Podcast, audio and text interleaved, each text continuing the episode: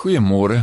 Ons het vreugde nodig. Ons moet baie kan gee, nie net in wat ons het nie, maar in wie ons is. Ryk in liefde en ryk in goedheid en ryk in vrygewigheid en ryk in hoop en geloof. Is jy ryk in hierdie dinge? Ons leef op die oomblik in baie onseker tye. Mense sou blind wees om nie agter te kom dat die ekonomiese klimaat nie so goed lyk nie en daar's baie vrese van buite in. Mense wie sê dit kan nie so aangaan nie. Iewers gaan ons 'n muur slaan of iewers moet iets verander, maar daar is ook mense wat in hierdie onsekere tye baie floreer en wat ten spyte van ongunstige ekonomiese klimaat maar net meer groei en dit gaan beter met hulle as ooit tevore.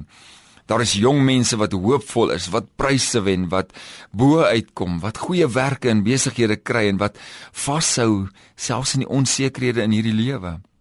Is ons werklik maar net oorgelaat aan die noodlot en 'n stukkie blote geluk indien daar iets positiefs na my kant toe kom?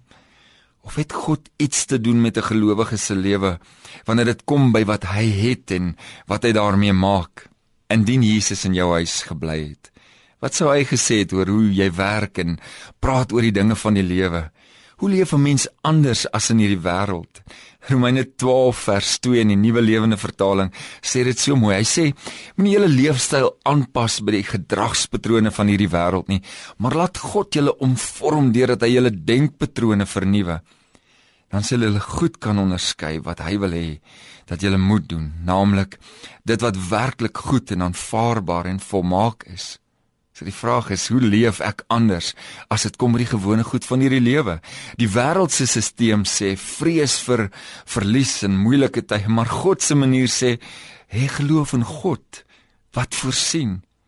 Die wêreldse stelsel skep 'n valse gerusheid dat indien ek hard werk en 'n goeie salaris verdien of 'n sterk besigheid het en dit vir altyd sal hê en dat ek finansiëel veilig sal wees. Die waarheid is dat niks in hierdie wêreld seker is nie en dat niks dieselfde gaan bly nie, maar die wat kies om hulle voorsiening in God se hande te los, het 'n ander stelsel in werking gesit. Hier is God se manier om anders te leef in hierdie onsekere tye. Jou besittings en geld is nie joune nie. So moenie daaroor bekommer nie. Moenie daaraan vasklou nie. Moenie dat dit jou identiteit bepaal nie. Moenie ooit dink dat jou waarde by God bepaal word deur jou materiële waarde nie. Moenie vreesbevange raak wanneer dit die valieer nie, want dit is nie joune nie.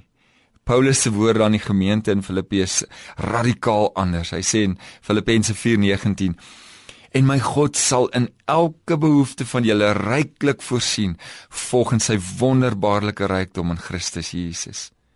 Hy het jou so lief gehad dat hy bereid was om sy enigste seun vir jou te gee. En nie al die geld wat jy op jou naam het sal ooit genoeg wees om hom terug te betaal daarvoor nie.